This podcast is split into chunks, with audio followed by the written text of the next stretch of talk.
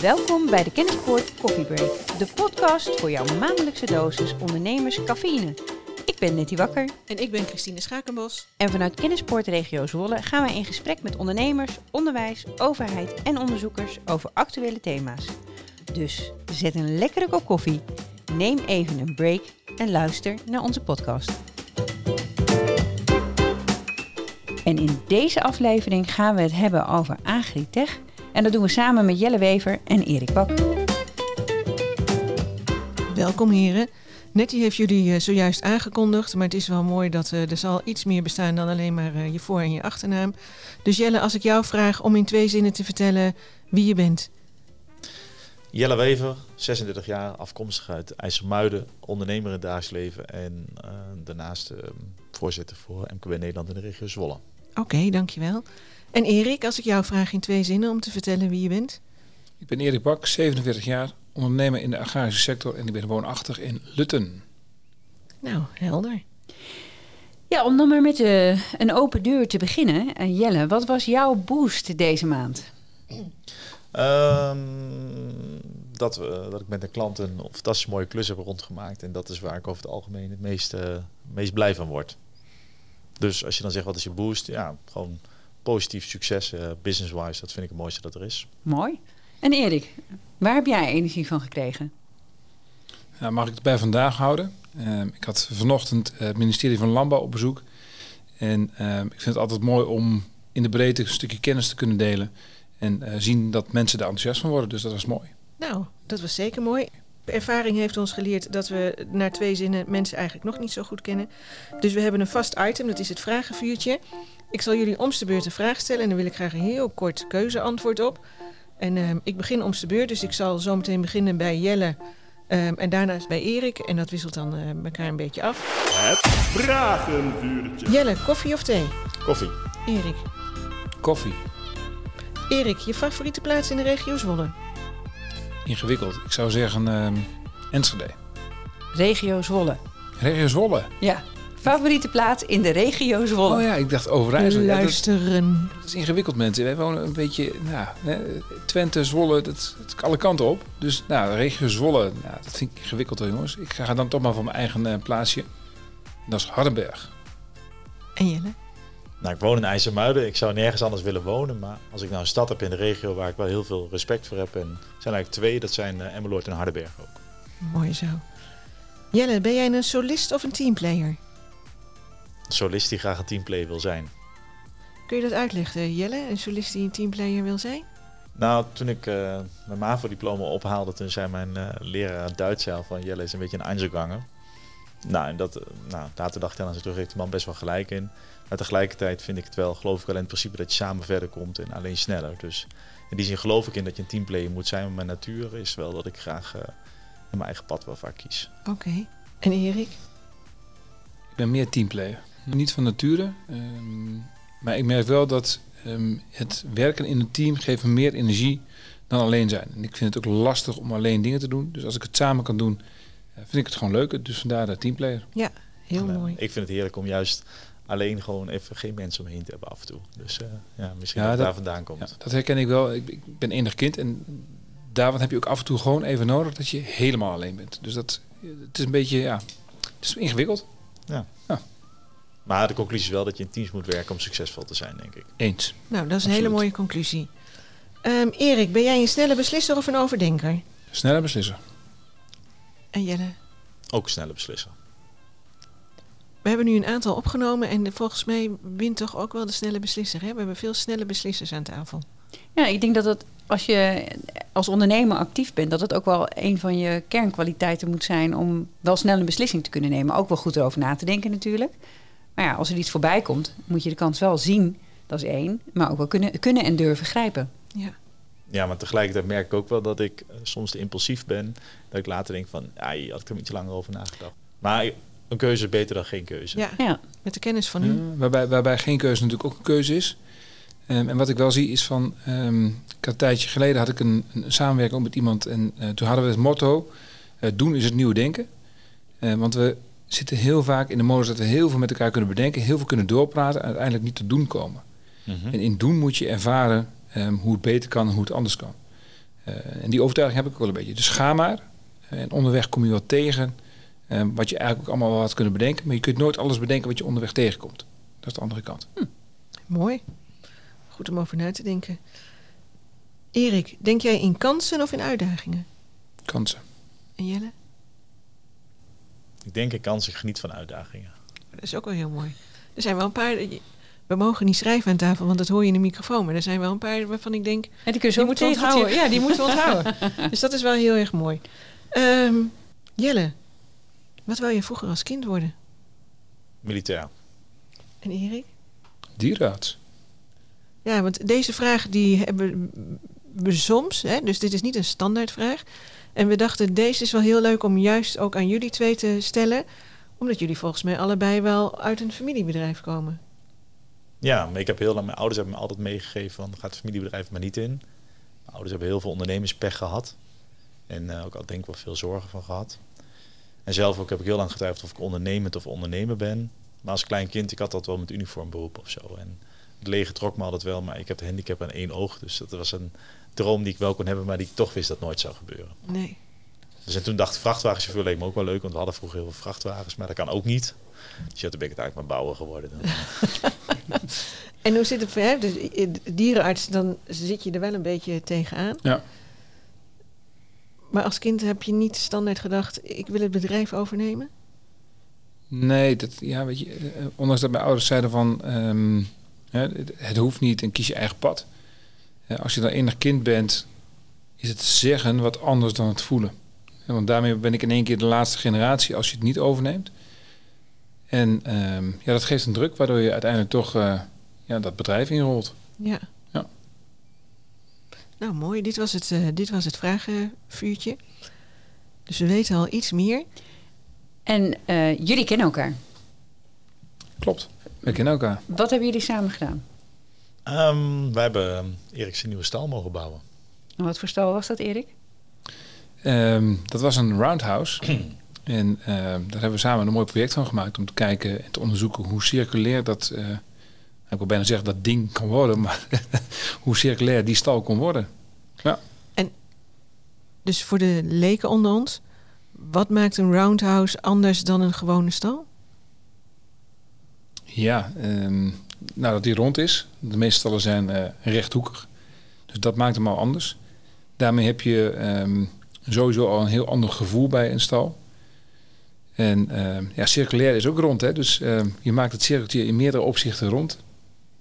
Was het voor jou bijzonder om te doen?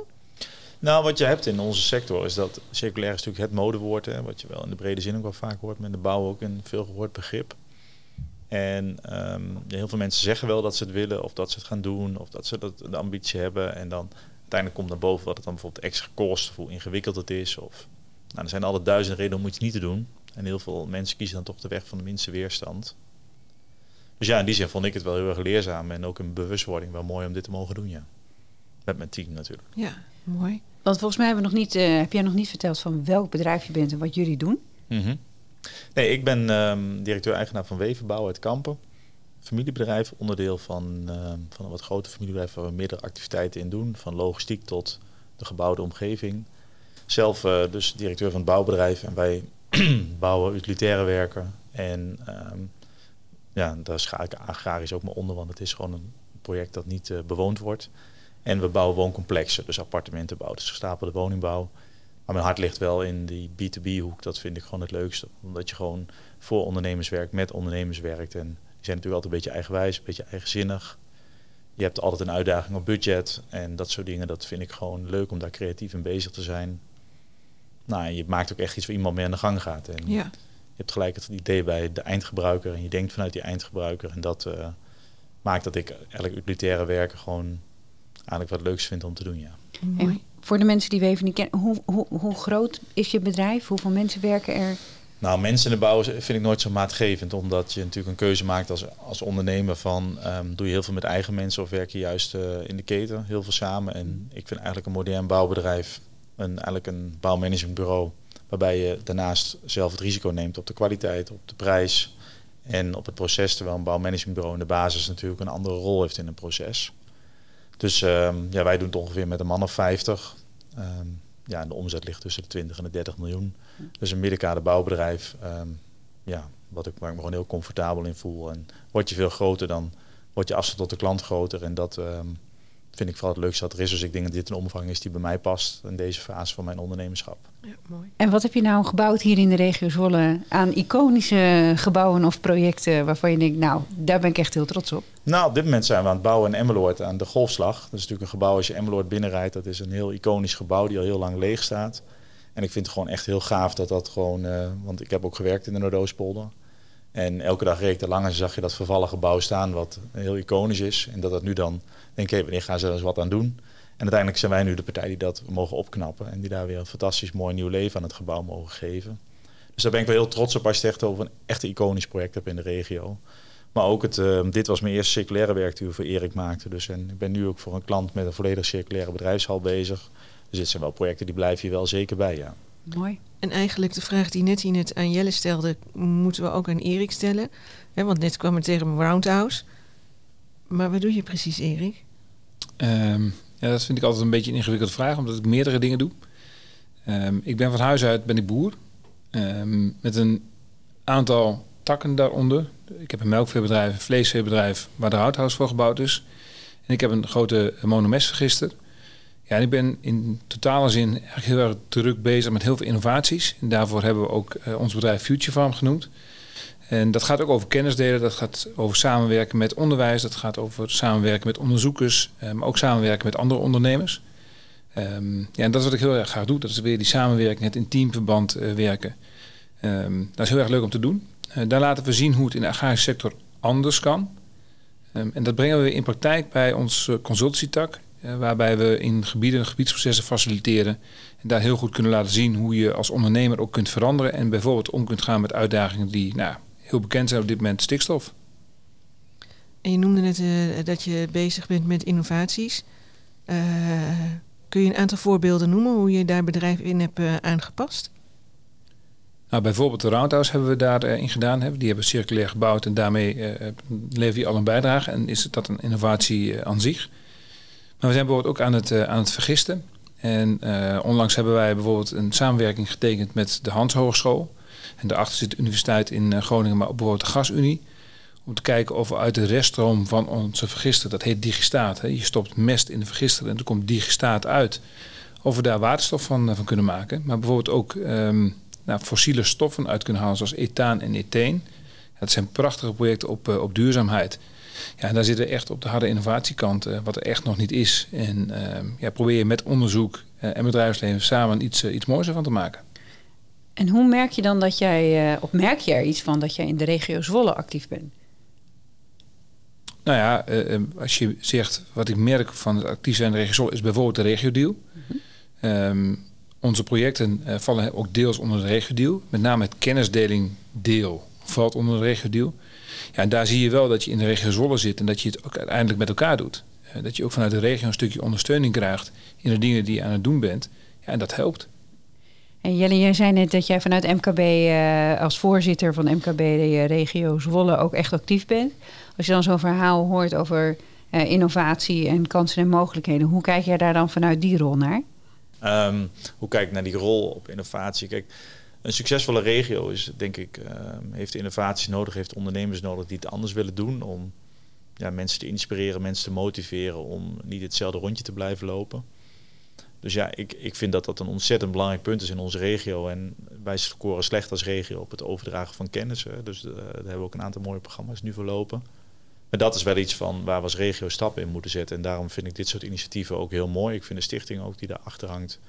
Ja, ik, ben, ja, ik zou er graag nog wel veel meer over willen weten om te kijken van hoe kunnen we dat nou ook nog veel breder uitrollen. Want het is zo zonde van, want boeren zijn eigenlijk ook mekaars concurrenten niet echt. Hè? Want je hebt ja, of je levert gewoon je vlees of je, of je melk. Maar je, in onze sector heb je dan nog een keer de lastigheid van, ja, dan ben je echt concurrenten van elkaar als bouwbedrijven. Maar in de boerensector, dan denk ik van, dat is bij uitstek een sector waar je volgens mij die zich heel goed leent om die kennis te delen. Dus ja, ik zou heel graag zien dat we daar als regio meer op doen, want dat is gewoon cruciaal. Dus innovatie en kennis delen is cruciaal om de volgende stap te zetten. Merk je dat al, uh, wat, uh, wat Jelle uh, beschrijft? Zo voelt het voor mij ook wel een beetje. En ik denk voor, voor veel meer mensen onder ons. En merk je al hè, dat, jullie, dat je nu de, de Future Farm hebt, dat het daardoor makkelijker is om kennis te delen? Of dat het makkelijker is dat boeren daar, zich daarbij uh, aansluiten, Erik? Um, nou, ik denk dat het tweeledig is. Ik denk dat we bij de koploper op dit moment zien dat zij um, naar ons toe komen. Ze hebben van ons gehoord en willen graag kennis nemen van wat er bij ons plaatsvindt. Ik zie ook dat er heel veel interesse is vanuit onderwijs, onderzoek.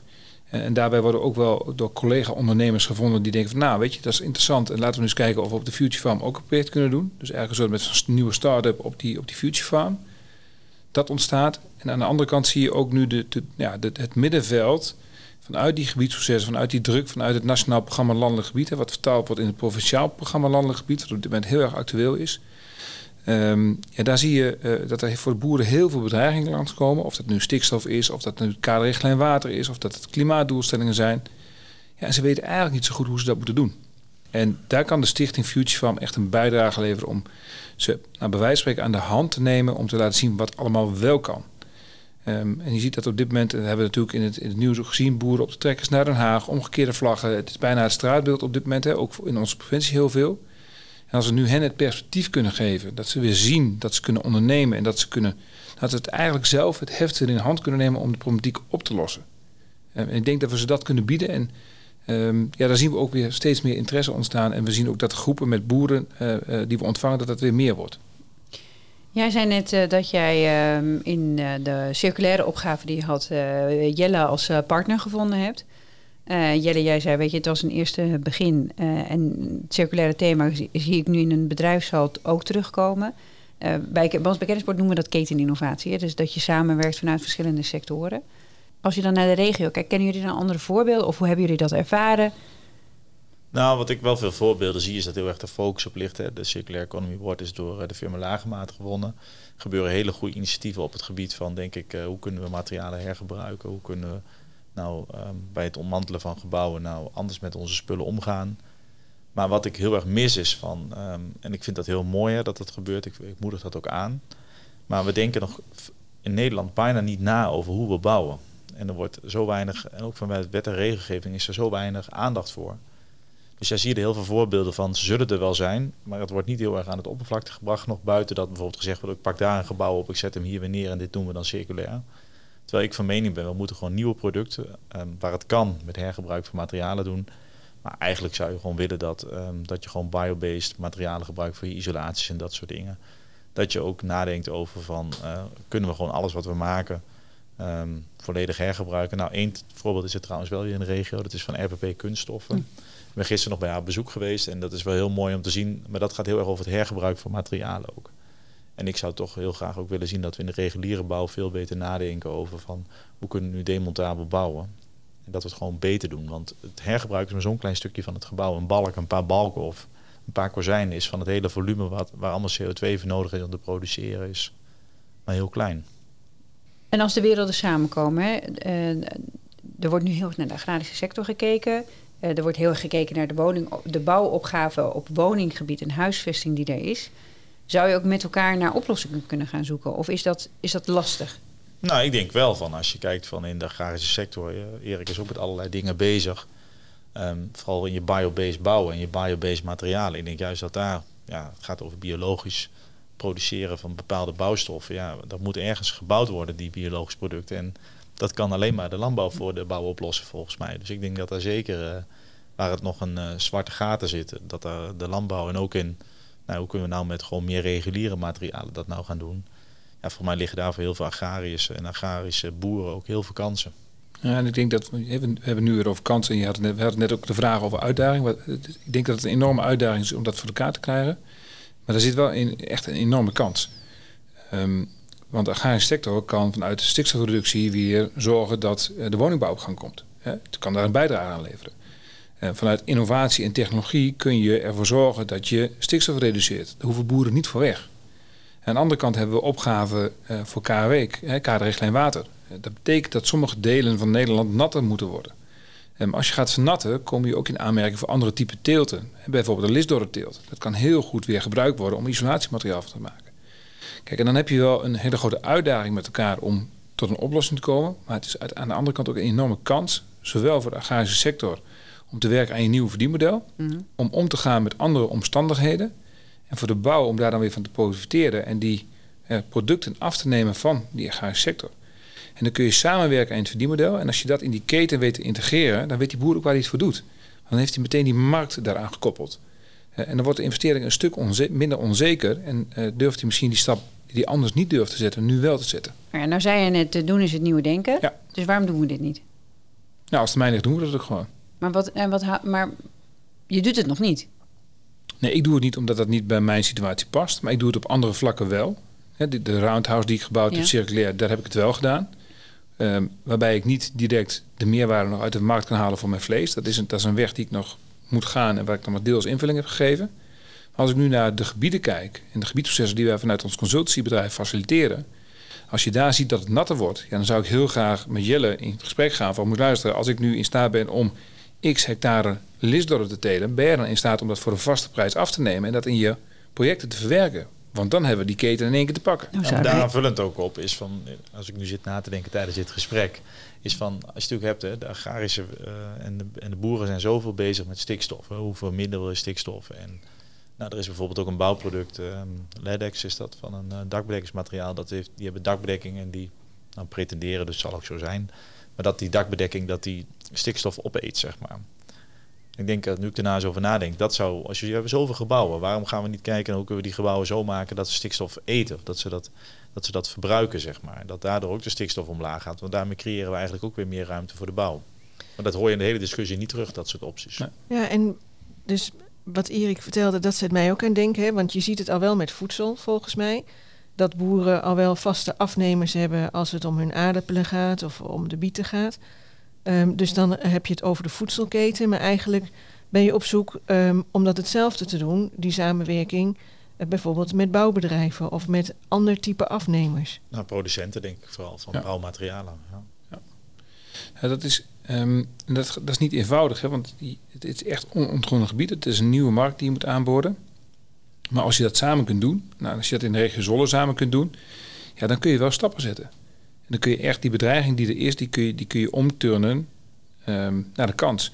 En als die boer in staat is om stikstof te reduceren, eh, bijvoorbeeld door de teelt van lisdorden en zijn veestapel daar een beetje mee af te bouwen en een ander verdienmodel daarvoor terug te krijgen, ja, dan kan de bouw die kan weer bouwen. En als dan ook die materialen nog weer kunnen gebruiken, heeft die boer weer een vergoeding voor het hele verhaal. Heeft hij een nieuw verdienmodel? Heeft hij een nieuw verdienmodel. Ja, en, en, en dan verandert de wereld een klein beetje. Ja. En, en, en um, dat zit, ik denk, binnen regio Zwolle, binnen onze eigen beïnvloedingssfeer. Dat zouden we gewoon samen kunnen doen. en ik hoorde jou net zeggen, je hebt uh, melkvee en vleesvee. Um, en nu ben ik zelf even hard op aan denken, dus misschien zeg ik iets wat helemaal niet klopt. Um, is die roundhouse er dan voor het feestvlee? Wordt daar dan het feestvlee ingezet en verkoop je je eigen koeien? Ja, wat, wat we doen is, uh, koeien, melkkoeien krijgen elk jaar een kalfje om melk te kunnen geven. Uh, het stierkalfje dat eruit komt gaat normaal gesproken naar de kalverhouderij. Uh, die is minder duurzaam dan het concept wat ik nu neergezet heb. Ook qua dierwelzijn hebben de dieren bij mij veel meer ruimte. En dat betekent dat je dus die dieren, die, die, stiertjes, die zet je in die roundhouse. En daar groeien ze en uiteindelijk worden ze dan geslacht en heb je dus je vleesproductie. En dat proberen we lokaal te vermarkten. Enerzijds via onze webshop en anderzijds bijvoorbeeld via een restaurant en een lokale slager. En hoe lang um, lopen die uh, stiertjes in die roundhouse dan? Hoe lang gaat dat proces? Uh, 18 ja, maand rondjes ik lopen. Ik maak zelf ook rondjes, hè? Automatisch. Het, ja. het, is dat het geen televisie is, maar... Nee, maar je, je, ja, je vinger gaat continu al. rond. Ja, ik weet hoe een rondje eruit ziet. Ja, en, en, en dat doen die dieren dus ook. Continu 18 maanden lang rondjes lopen totdat ze dik zijn. Okay. Niet, niet te hard lopen. Nee. Het kost te veel conditie. Volgens mij een, een, helder, een heldere oproep. Ik kijk dan toch ook nog even bestuurlijk naar jou, Jelle. Hè? De, dus als je zegt, waar willen we re als regio nou heel goed in zijn? Hoe kom je, en dit, dit zou een oplossing kunnen zijn. Hoe kom je dan van erover praten naar dingen doen? Nou ja, dat zet me natuurlijk nu een beetje aan het denken tijdens dit gesprek. Maar ik denk, als ik zo eens denk, van laten we eens kijken in de regio. Wat zijn al onze producenten van bouwmaterialen, wat hier in de regio wordt gemaakt. Zet die om een tafel en zeg wat die nodig hebben om hun product um, meer biobased te maken bijvoorbeeld. En ja, ik denk dat je daar eens mee moet beginnen. Gewoon mensen om een tafel zetten en gewoon gaan brainstormen met elkaar van hoe kunnen we nou de, wat de agrarische sector kan verbouwen op het land of een kennis die ze hebben nou meenemen in het, de productie van de bouwmaterialen die we hebben. Of misschien de bouwmaterialen handelaars erbij, de grote handels van deze wereld, dat die dat misschien zien. Maar ik denk bijvoorbeeld aan bakstenen, ja, daar moet er ook iets van te maken zijn dat die, eh, dat die eh, CO2 of, eh, of, of stikstof eet. Ik weet het niet, voegt er wat aan toe, ik weet ik veel, maar er moet wat te, verzinnen zijn volgens mij. Dus eigenlijk moet je meer crossover denken. Hè? Dus niet alleen alle boeren aan de tafel zetten en alle producenten aan de tafel en nou alle bouwers aan de tafel, maar die moeten met elkaar aan tafel. Nou ja, bouwers zijn natuurlijk de verwerkers ervan, dus dat, die moeten vooral het bewuste wording hebben wat er is er te kopen in de markt. Het gaat vooral om de producenten, denk ik. En daarvan kunnen wij als bouwers wel natuurlijk dingen Een eh, duwtje in geven, beweging zetten ja. en een duwtje geven. Maar uiteindelijk moeten die producenten het wel oppakken. En moeten natuurlijk ook wel gewoon eh, draagvlak zijn om dit op te pakken. En ook funding zijn, omdat ze dat ook kunnen voorinvesteren natuurlijk. Nou, en de consument moet ook wat willen. Dus ik hoor jou net zeggen, vleesver, vleesverkoop loopt nog niet storm. Ja. Dus de consument heeft een keuze. En je moet ook kiezen voor een huis wat circulair of duurzaam gebouwd is. Of de overheid moet gewoon zeggen, er mag gewoon niet meer gebouwd worden wat niet biologische eh, eh, biobased producten zijn. Nou ja, ja, eh, nou, daarom, ik zeg altijd, wet en regelgeving wordt heel vaak. Ik ben ook altijd eh, natuurlijk, eh, ik ben altijd een beetje allergisch voor nieuwe wetten en nieuwe regels. Want vaak eh, een nieuwe regel is vaak twee regels meer dan de oude was. Maar ik vind op dit soort punten, je moet als overheid wel een, ehm, een prikkel in de markt inbouwen om dingen in beweging te krijgen. En dat zag je bijvoorbeeld ook met dat het nu verplicht is dat je gewoon moet voldoen dat je, nou, dat iedereen gewoon ledlamp moet ophangen, alle energiebesparende maatregelen moet nemen om binnen twee jaar er terug te verdienen. Dus gaat iedereen dat maar braaf doen. En het is ook geen kostenverhoging voor die ondernemer, want hij verdient er binnen twee of drie jaar terug. En Ja, dat is hier ook mee. Van, ja, je moet gewoon, gewoon zeggen, oké, vanaf dat moment ehm, mag, mogen er alleen maar dit soort producten gebruikt worden. Ja, en dan moet je een aanlooptijd van vijf of tien jaar Ja. geven. Maar dan moet je ook gewoon zeggen, we- dit stick to the plan en dit moeten we zo gaan doen als Nederland. Jij zei net, LNV was vandaag bij je. Ja. Is dat een voorbeeld van dat de overheid komt kijken? Of Ja, dat is een voorbeeld dat de overheid komt kijken. Dat is, dat is mooi, hè? Dus, dus dat is al goed dat de beleidsmedewerker uit Den Haag ehm, naar Lutte komt om te kijken hoe we het daar doen. Ik denk als je echt wilt ontwikkelen, en snelheid wilt maken en ook echt wilt doen. Wat je nu heel vaak ziet is dat je als ondernemer hele goede ideeën hebt.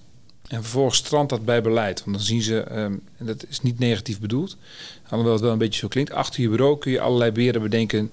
eh, en kan het om heel veel redenen kan het niet.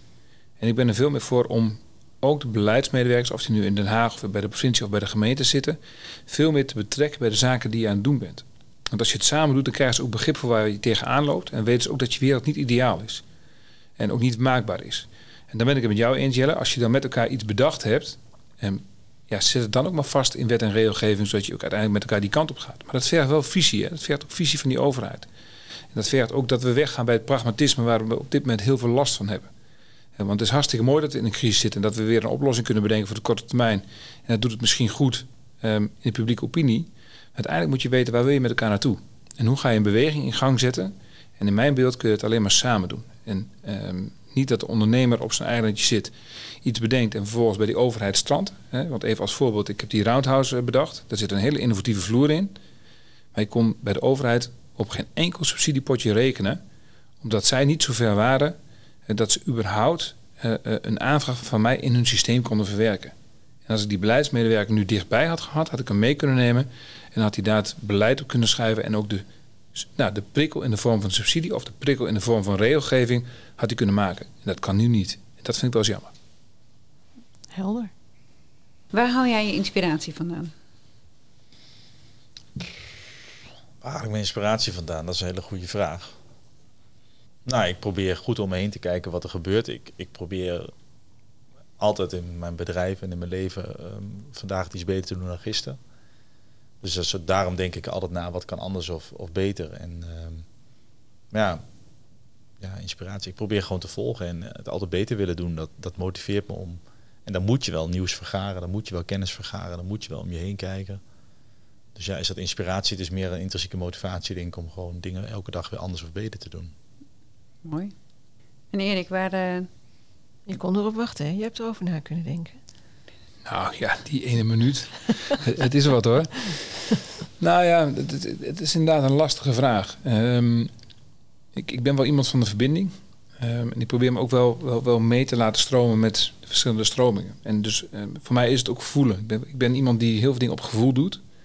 En als je maar open staat, en dat is denk ik het kijken wat jij zegt, eh, Jelle. Als je maar open staat voor de wereld om je heen.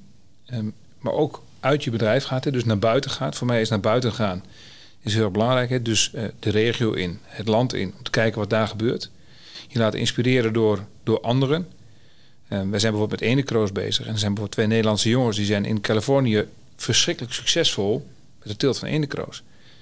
Ja, ik zit al een tijdje, we hebben corona natuurlijk gehad, van ik, ik moet dat een keer naartoe, ik moet het zien. Ehm, maar ook bijvoorbeeld een documentaire die ik heb gezien op Netflix, het heette The Biggest Little Farm. Bijzonder inspirerend. Ja, het zit in Amerika. Ehm, ja, en ik zou daar heel graag naartoe willen, gewoon om te kijken van, gewoon, hoe doe je dat nu? Maar komt je... Ik heb jou een keer eh, ergens horen en zien spreken. Ehm, en wat mij toen raakte... En misschien komt dat ook wel voort uit dat stukje familiebedrijf. Dus misschien herken je dat wel, Jelle. Uh, en toen zei je... ehm, het is... eh, door de vorige generatie is het bedrijf opgezet. Ik ben deze generatie. Na mij komt er ook weer een generatie. En ik wil het heel graag ook toekomstbestendig hebben, maken en houden voor de generaties die nog komen. En dat was ook wel een stukje wat mij wel raakte, waarbij ik dacht: is dit misschien ook wel iets kenmerkends voor een familiebedrijf en kenmerkends dat je het vanuit je hart doet, waardoor je ook misschien juist op dit soort vragen heel moeilijk antwoord kunt geven, omdat je het meer vanuit binnenuit doet? Ja, het is. ehm, je weet waar je het voor doet, hè? want je ziet je kinderen. Ehm, en als je, als je dat ziet, dan weet je dat er na jou een, generatie volgt. Ehm, en dan weet je, eh, jij zei het mooi, Jelle, dat je het elke dag een beetje beter moet doen om hun een toekomst te kunnen bieden. Even los van of ze nou in dat familiebedrijf gaan of, of dat ze andere dingen gaan doen. Maar dat is wel een hele belangrijke drijfveer wat, wat nou, in je systeem zit om dat op die wijze te doen. Maar waar ik dan wel mee worstel zelf vaak is dan van ja, de, altijd het gevecht van dat je denkt, ja, we kunnen hier op deze kleine schaal zoveel doen. En aan de andere kant in China of in Indonesië, dan gooien ze alle plastic of stoten ze alles maar de lucht in. En dat vind ik altijd nog wel de grootste worsteling die ik zelf heb. Maar en anders is ook wel, ben ik ook wel opgevoed met het motto van ja, goed begin, eh, begin bij jezelf. Je hoeft het niet te laten. Hè? Doordat het daar niet gebeurt, betekent het niet dat je jezelf van de plicht eh, te ontslaan hebt. Dat je hier ook je stinkende best moet doen om het anders of beter te doen. Nee, want dan krijg je een beetje. Mijn moeder zei het vroeger en ik kan het ook tegen mijn kinderen zeggen. Als die met een eh, vijf en een half thuiskomen, maar de hele klas had een onvoldoende. En dan was mijn moeders antwoord altijd, en dan is ook mijn, mijn eigen antwoord: het interesseert me niet wat die hele klas had. Het interesseert me wat, jou, wat jouw cijfer is. Nee, dat En klopt. het is heel makkelijk gesproken natuurlijk, maar als dat een beetje je basis is, dan maakt het het soms wel wat makkelijker om je iets minder van wat daar gebeurt aan te trekken. Nee, dat klopt ook. En ik denk wat je zegt, is dat nou de essentie van een familiebedrijf? Als mijn, eh, de oom van mijn opa of mijn opa of mijn vader altijd voor de korte termijn winst was gegaan en altijd aan zelfverrijking, als dat zijn motivatie was geweest voor je bedrijf, dan hadden we nu ook niet meer bestaan. Nee. En dat is denk ik ook wat wel de essentie van familiebedrijf is. Van, sommige mensen vinden het ook wel eens raar als ik zeg van nou, we hebben ergens echt een waardeloze klus en het loopt voor geen meter. Dat ik zeg van nou ja, dan hebben we maar een keer wat verlies of zo, weet je. Dan, dan is dat maar zo. Of dan draaien we maar een keer een jaar nul. Dan zei dat maar zo. Als we dit jaar weer veel geleerd hebben met elkaar en we hebben een mooi jaar gehad. Ja. En eh, we kunnen volgend jaar dan het veel beter gaan doen.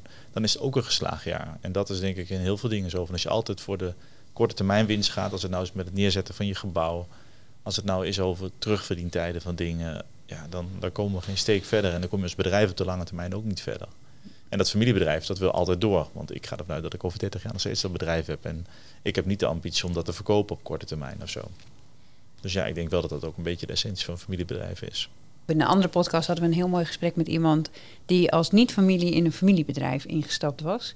En ehm, dat is best lastig, hè? Want het is een familiebedrijf, dus als er een derde bij komt die niet in die familie hoort, maar wel onderdeel wordt van het, eh, van het management, hoe doe je dat dan en wat brengt dat met zich mee? En wat hij zei was eigenlijk heel mooi, en dat is ook wat nu bij me weer naar boven komt, is dat hij zei: Wij hebben eigenlijk helemaal niet gesproken over winst of over eh, Contracten. contracten. We hebben het nooit gehad over contracten en ook niet over winst. En of ik nou een vast contract moest hebben of niet. Het was meer dat het een beetje voelde als verkering. En dan heb je heel lang verkering. En als je het uitmaakt, dan maak je het allebei uit. En anders is het gewoon, nou, hier gaan we voor. Nou, mijn rechterhand heeft nog wel eens over zijn salaris hoor. Dus, eh, Dat kwam later, toen waren jou getrouwd. ja, nee maar, nee, maar dat is denk ik ook wel van, eh, dat is ook wel de valkuil van heel veel familiebedrijven, is dat je gewoon te weinig doet aan vastlegging, te weinig eh, dingen regelt. Erik en ik in onze klus ook, voor mij waren we begonnen zonder de overvestiging. Die is nooit geweest. Oh, die is nooit geweest. Je hebt wel een factuur gestuurd? Ja, dat wel. Ja. Maar ik zeg, dat is natuurlijk wel de essentie van. We zijn allemaal enthousiast en we gaan aan het werk en we gaan er wat tos van maken. En ik, ik geloof maar dat hij mij begrepen heeft, terwijl dat ook vaak met klanten helemaal niet zo is. Dus dat is wel gewoon een valkuil van heel veel ondernemers, denk ik. En dat is natuurlijk wat familiebedrijven kleurt zijn, dat de DGA zelf nog aan het, eh, vaak aan het roer staat. Aan de andere kant denk ik ook wel dat wij in een regio wonen waar de volksheid zo is dat dit kan. Dus je hebt andere delen van Nederland waar het allemaal in beton gegoten moet zijn en de eerste aanbetalingen binnen moet zijn voordat iemand de vinger uitsteekt. Niet dat ik andere regio's in een kwalijk dagslicht wil zetten. Nee, maar dat, maar eh, dat vertrouwen, dat basisvertrouwen. Nou, misschien ook wat enthousiasme. Hè? Dus ik ken Erik wat beter dan dat ik jou ken. Ik ken het bedrijf ook wat beter dan dat ik jouw bedrijf ken. En als ik het soms van de zijlijn eh, wat meekrijg, dan kan ik wel denken: jongens, ga er maar aan staan. Want ik ben geen boer, ik heb ook geen eigen bedrijf, ben er ook niet geschikt voor. Maar ik denk dat ik al meer dan tevreden was met die 140 melkkoeien. Dus ik vind het heel erg knap dat je steeds daar weer de grenzen in gaat verleggen. En dat is denk ik ook wat stukje ondernemerschap en het, het, het, het stukje eh, vakmanschap. Wat jij waarschijnlijk zult herkennen in Erik. Nou ja, dat, ik, ik wou erop aanvullen inderdaad. Ik denk ook niet dat, dat heel weinig ondernemers, een uitzondering daar gelaten natuurlijk, dat die de ambitie hebben om maar per definitie een groeiambitie hebben of zo. Je wil gewoon, je bent op een gegeven moment ook verzadigd en je zoekt nieuwe prikkels. En ik denk dat het bij Erik ook het geval is. Van je zoekt gewoon weer iets nieuws waar je weer energie van krijgt. En als je over inspireren hebt, is weer het, ja, het stukje terrein wat je nog niet kent om dat op te zoeken en dat je daar je voldoening uit haalt. En ik denk dat dat, zo, ken ik, zo herken ik Erik denk ik wel inmiddels van, ja, dat is altijd van, nou dan heeft hij iets bereikt denk ik en dan is het ook misschien weer iets van saai of zo en dan moet Ja. er weer iets nieuws komen. En dat herken ik ook wel. Dus eh, ja. Ja, dat, dat, is, dat is wel een continu iets. Hè? Dus, dus ehm, ja, voor mij is het heel lastig om af te maken. Want ik ben vervolgens al met de gedachte weer ergens anders. Eh, want het nieuwe eh, eh, ja, is er alweer. En kun je weer mee aan de slag en kun je eiwit in kwijt. Ja. Ehm, en, en dat continue vernieuwen, ja, dat, dat, dat vind ik heel erg leuk. En, maar dat is dat wel wat bij mij past. Ehm, er zijn ook ondernemers die eh, veel meer liever de diepte ingaan en, en eh, ehm, nou, dingen in structuur willen brengen en behoefte hebben aan die stabiliteit. Ja, dat heb ik niet. Ik ga voor de uitdaging, om dan de uitdaging maar weer te pakken die we in het gesprek vanochtend, of, eh, zojuist ook hadden. Vanuit die uitdaging kansen zien en ja, het, het leven weer een beetje beter maken. Ja, en ik denk dat jullie elkaar daar wel in tegenkomen. Dus hè, als je het verhaal van Jelle hoort, ehm, zit hij denk ik wel een beetje hetzelfde. Ja, maar ik denk als ondernemer daarnaast ook van als je het over afmaken hebt. Ik ben heel blij met mijn controle. Weet je, die is gewoon nog wel eens, die zit er steeds meer op van Jelle, je moet het wel, je moet dat wel, je moet wel hier aan denken. En dat is wel heel belangrijk, denk ik, als ieder ondernemer ook, als je dat weet dat je valkuil is, dat je, dat je altijd maar weer door wil, nieuwe prikkers opzoeken. Moet ook mensen om je heen hebben die het wel afmaken. En ja, dat dan word is, je eh, vanzelf die teamplayer. ja, nou ja. Ja, en dat, Ja. ja. die wil zijn, hè? En dan heb je weer een cirkeltje in de roundhouse, hè? Ja, ja, ja, ja. ja, maar dat heb je wel nodig. Dat herken ik ook wel. Dat, je, op een gegeven moment moet je wel mensen om je heen verzamelen die ook jouw zwakke punten op kunnen vangen. En eh, dat zie ik nu ook steeds meer gebeuren. En ehm, dat helpt gewoon. Gewoon even de reminder van, goh, maar luisteren, het is nog niet afgerond. Ga nu eens in actie. Rond het nu eens af. Dat helpt. We hadden, jullie hadden het net over, ehm, over, de, over de, de volgende generatie. En ook over, nou in mijn vertaling is dat jonge mensen. Als ik eh, bij ons bij Kennisport kijk, dan hebben wij één hele enthousiaste jonge aanjager op het gebied van economie en innovatie. En dat is onze Anne. En eh, onderdeel van deze podcast is dat we eh, altijd een collega vragen om op basis van het gesprek wat wij hier hebben, nou, een visie, een mening en input te geven. Dus we gaan even bellen met Anne. Bellen.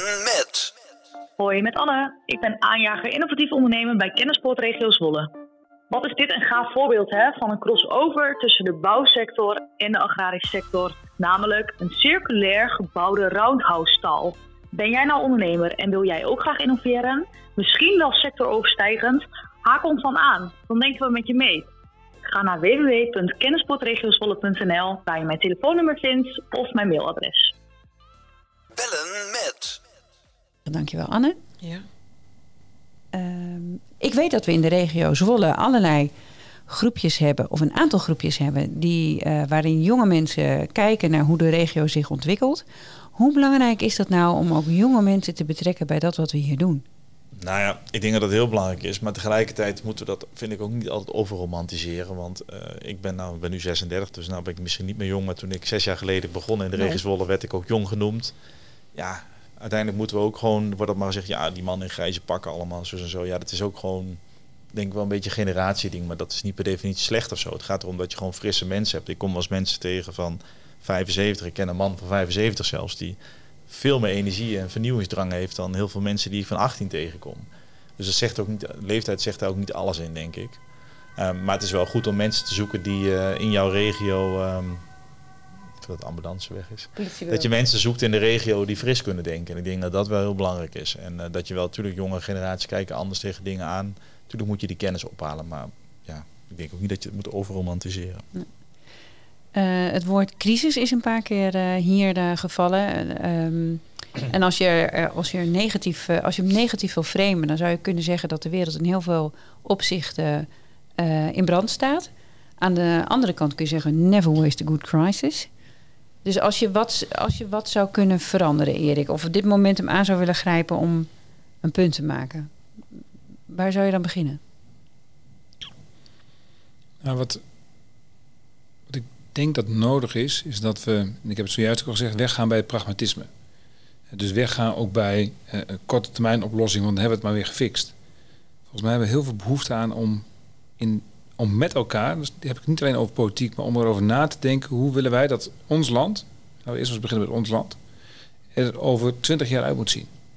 En als we die opgave met elkaar beet kunnen pakken en daar overeenstemming kunnen vinden, en als we daar als ondernemer Ehm, vanuit die visie en vanuit je eigen visie, vanuit ondernemerschap invulling aan kunt geven, denk ik dat heel veel dingen weer op de juiste plek terechtkomen.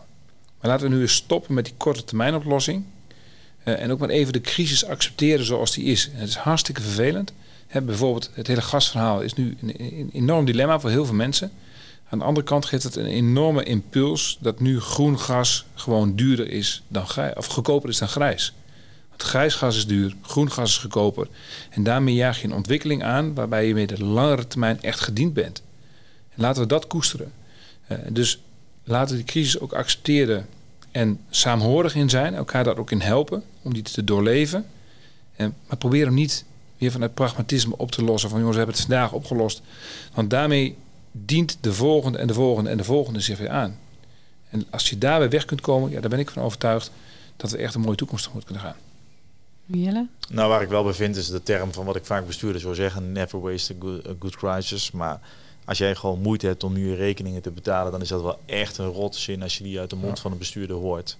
Ehm, dus dat gezegd hebben, dan denk ik wel van, eh, ik vind dat we goed moeten kijken naar de dag van vandaag van welke ondernemers hebben nu iets op een afgekregen wat ze niet hebben kunnen voorzien, wat ze niet op hebben kunnen anticiperen. Dat moet je oplossen, denk ik, als Rijk, als overheid. Maar koppel daar dan ook prestatieafspraken aan. En dat vind ik nu ook weer. Van nu krijgen heel veel mensen geld. En dat vind ik in de basis, als het eenmalig is, hartstikke goed. Maar maak ook, probeer ik prestatieafspraken dan te maken met die markt en met die sector. Want je kunt nu, doordat je zegt ik ga die energie-intensieve sectoren helpen. Oké, maar ga met de brancheorganisatie ook om tafel. Hoe gaan we voorkomen dat dit dan nog een keer gebeurt? Wat is daarvoor nodig en hoe gaan we dat voor elkaar krijgen? En dat, dat ben ik wel met je eens als je dan nu die crisis hebt. Probeer daar het goede uit te pakken, maar besef wel dat niet iedereen dat direct in zijn kostprijs kan doorrekenen. En dat die ondernemer heeft het gewoon wel heel lastig en dat moeten we niet vergeten. Aan de andere kant vind ik ook, vooral bij heel veel huishoudens, denk ik van ja, als jij een duizend of 2000 euro niet kunt opvangen, dat, dat zijn natuurlijk uitzonderingen ook weer daar gelaten. Maar als je 100 of 200 euro per maand, dan moet je ook, denk ik, wel heel goed gaan nadenken van, ehm, zit ik gewoon niet te zwaar in mijn lasten? En ook dat kun je niet direct oplossen, maar daar moeten we ook met elkaar wel een discussie over voeren. Nou, volgens mij gaan we richting eh, de laatste ronde. Ja. En Jelle, is er nog iets waar we het nog niet over gehad hebben? Waarvan je denkt, nou, nu ik toch zit, met deze mensen. Ehm, nee. Ja. Nee, ik heb niet eh, iets wat ik nog per se kwijt wil. Nou, laat ik dan anders zeggen dat ik in ieder geval hoop. En ik ga daar in ieder geval mee aan de slag. Als we kunnen kijken wat we net bespraken. Van kunnen we nou die agrarische sector en die, en die bouwproducenten elkaar helpen. Dan ga ik wel mee aan de slag. Want ik vind het wel een leuke uitdaging om te kijken. Dus nou, dat neem ik wel mee uit dit gesprek vandaag. Mooi. En Erik, laatste ronde. Ja, laatste ronde. Eh, Net zo ingewikkeld als Jelle dat vindt volgens mij. Ik, ik vind eh, de suggestie om met landbouw en bouw iets te doen en daar die verbinding te vinden eh, in die crossover, dat lijkt me erg, erg interessant om daarmee aan de slag te gaan. Dus als we daar inderdaad samen iets zouden kunnen doen, ja, heel mooi. Ehm, ja, en wat de agrarische sector betreft, hè, de crisis waar we nu in zitten, ik hoop dat, ehm, dat, dat wil ik ook echt wel mee gaan geven, dat de sector in staat is om de rust op te brengen, maar ook met elkaar in die gebieden te gaan kijken hoe kunnen we het beter doen. En dat we dat weg kunnen eh, geraken bij de omgekeerde vlag. Eh, dat we weg kunnen geraken bij ook een overheid die heel gebiedend zegt: hier 70% stikstofreductie, daar 95 en daar 45. Maar dat, het, dat boeren in staat gesteld weer gaan worden om in die gebieden aan de slag te gaan. Samen met alle andere partijen, onder andere de bouw, maar er zijn veel meer partijen waarmee je aan de slag kunt. En dat een ieder daarin zijn verantwoordelijkheid gaat nemen. Dus dat we echt op basis van de, de crisis die we nu hebben, dat we gaan werken aan oplossingen en geen halve oplossingen. Maar jij, ik ken jou als een vooruitstrevende boer, hè, maar hoe kijk jij dan, dat vind ik dan nog wel interessant als je aan het laatste hebt, als ik mag, ne- Zeker. Nettie, dan, eh, hoe kijk jij dan naar hoe dit heeft kunnen ontstaan? Hebben we dan elkaar zo voor de gek gehouden met elkaar in de agrarische sector? Hebben we niet genoeg geïnnoveerd? Ehm, is er dan niet, want die regelgeving denk ik toch van dat we stikstof moesten reduceren, die ligt er al een tijdje als ik alle politieke, al het politieke nieuws lees en dan, dan ben ik gewoon benieuwd, hoe kijk jij er dan naar vanuit jouw, ja, jouw blik? Het is een heel ingewikkeld dossier, dat, dat vooropstellende. Eh, en het heeft te maken met keuzes die we lang geleden gemaakt hebben. Door de Natura 2000 gebieden aan te stellen in Nederland. eh, en te kiezen voor bepaalde soorten die in stand gehouden moeten worden, hebben we gekozen voor stikstofarme soorten. We hebben gekozen voor heel veel droge heiden en, en dat soort typen. Met de habitats die daarbij horen. Ehm, ja, dan kun je niet te veel stikstof Dat uitstoten. was 1998, 1999. Ja. En als je dan ziet wat je daarvoor moet doen, om dat, alleen al die achteruitgang, om dat tegen te gaan, dan moet je heel veel maatregelen voor treffen. Dat heeft heel veel impact. En stikstof is een hele belangrijke. En daar is ook gewoon te weinig op gefocust. We wisten al heel lang dat we als agrarische sector te veel ammoniak uitstoten. Daar is ook een enorme reductie al geweest. Ehm, maar aan de andere kant wisten we ook dat er nog meer moest gebeuren.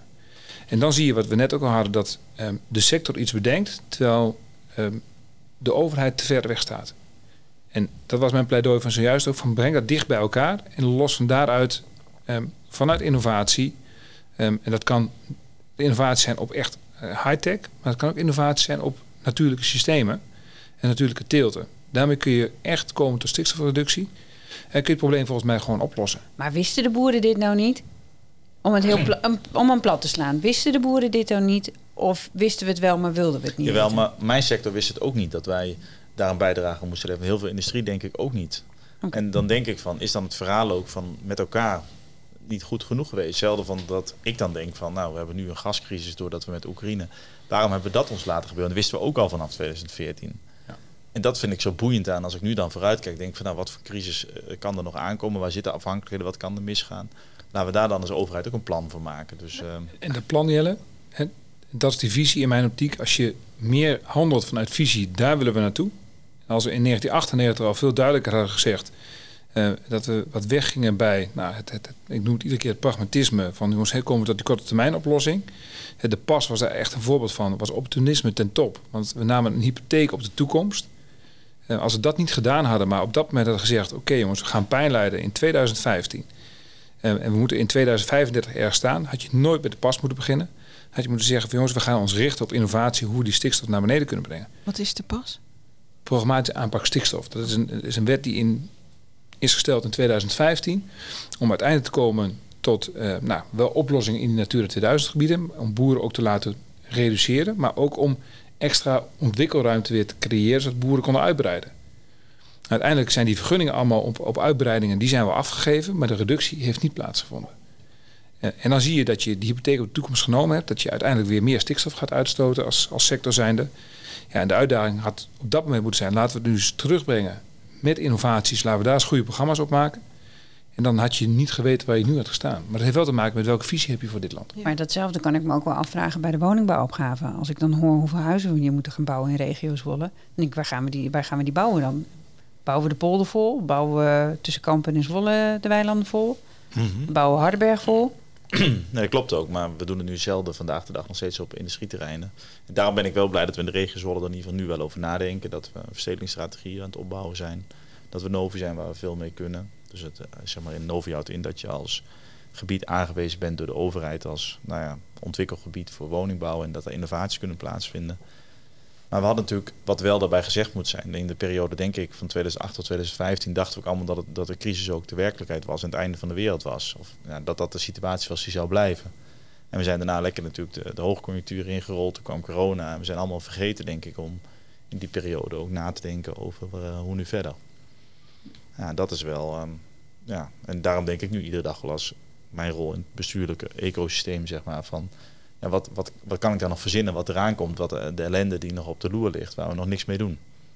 nou, dat vind ik wel. Als mensen daar een suggestie voor hebben, dan ontvang ik die graag. Want dan gaan we daar in de regio wel vast eens over nadenken. Nou, dat is misschien wel een mooi bruggetje. Dus ik eh, kan me voorstellen dat mensen dit luisteren en dat dit. eh, nou, sommige, sommige dingen zijn ook wel lastig om te snappen. Hè? Dus het, de, de, als ze vragen hebben. Maar stel dat er meer, eh, en meer mensen, leveranciers in de bouwwereld zich melden en zeggen: Nou, ik heb nu wat gehoord, daar wil ik wel deel uit maken. Of meer agrarische ondernemers, eh, innovators zeggen: Dat wil ik wel. Dan kunnen ze zich, denk ik, het beste bij ons melden. Ja, www.kennisportregiozwolle.nl Ja, of anders vragen we Anne of eh, die de mensen terugbelt. Maar dan kunnen we kijken hoe we kunnen helpen. Als jullie zeggen wij willen die, eh, die dialoog wel voeren met elkaar, dan kunnen wij kijken hoe we jullie daarin kunnen, kunnen nou, faciliteren. Hebben we eh, een doelafspraak, want doen was het nieuwe denken. Ja, doen is het nieuwe denken. Nou, ik kan, ik kan echt wel gewoon jaloers naar dit soort ondernemers kan ik luisteren. Ja, dus net zei ik al, ik ben geen ondernemer. Dus als je het heel plat slaat en negatief vreemd, heb ik gewoon een kantoorbaan.